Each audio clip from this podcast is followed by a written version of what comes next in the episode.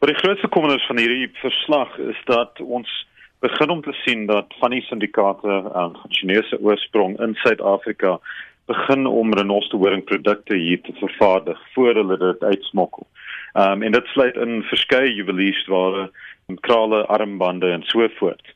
Daar's 'n 'n paar probleme daarmee. Die een is dit word baie moeilik vir die polisie, uh, douane en so aan op dit op te tel. Ehm um, jy weet wie gaan iemand stop vir die lughawe uh stap met um armband uit renosterhoring. Maar die ander ding is dit is iets wat ons baie sien in Asië veral in Vietnam en China waar hierdie produkte vervaardig word. Gewoonlik het die kopers daai kant gesoek vir heelhorings en vasstel hulle eintlik regte horing kry. Maar hierdie toon aan dat daar kan dalk uh, 'n verandering in die mark wees en dat mense hierdie goed begin vervaardig. 'n uh, um, Law enforcement oogpunt is dit nogal 'n baie moeilike ding om om vas te vat. En ons sien 'n uh, soortgelyke tendense in die smokkel van hy voor en die voorprodukte uit Afrika uit.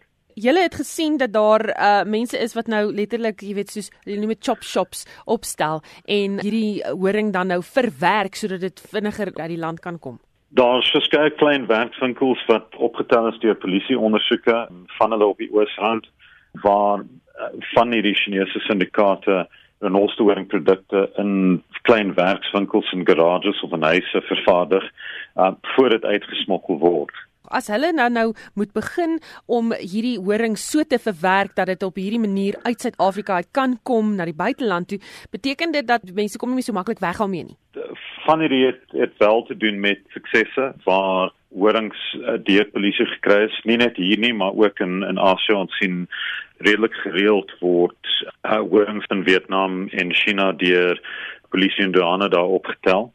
So ek dink hierdie is een deel, maar jy weet syndikaate gebruik nie net een metode nie. As so sodra dinge 'n bietjie warm word op een kant en nuwe eh, vorms van smokkel opgetel word deur polisie dan verander hulle dit. En dis die die groot challenge op 'n manier want hulle verander baie vinnig. En ek dink in die algemeen is polisie en douane en so on kan hulle nie so vinnig optree as vir die syndikaate hulle hulle metodes kan verander nie. Jy weet hierdie hierdie metodes verander die hele tyd. Die teen die tyd wat 'n verslag uitkom oor sekere metodes het hulle ander gekry. Maar ek dink die punt van hierdie verslag is dat daar is nou 'n paar sake wat opgetel is. Dit kan dalk 'n nuwe tendens bewys en dit is iets wat ons het en mense moet daar daarvan weet. Ek dink dis baie belangrik veral in lughawens en ook in gemeenskappe dat mense uitkyk vir vir hierdie soort van smokkelmetodes.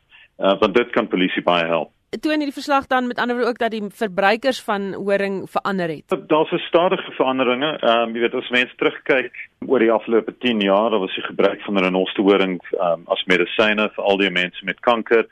Toe het ons begin sien dat ehm um, hele horings word opgekoop half as 'n simbool van status en soort van untouchability. En nou is daar tendens vir luxe produkte, juweliersware veral vir die Chinese mark. En van hierdie juweliersware word byvoorbeeld in Vietnam vervaardig vir Chinese kopers. Ons sien dit baie in die moniteringswerk wat ons in China doen op aanlyn verkope. So dit is 'n dit is 'n mark wat groei.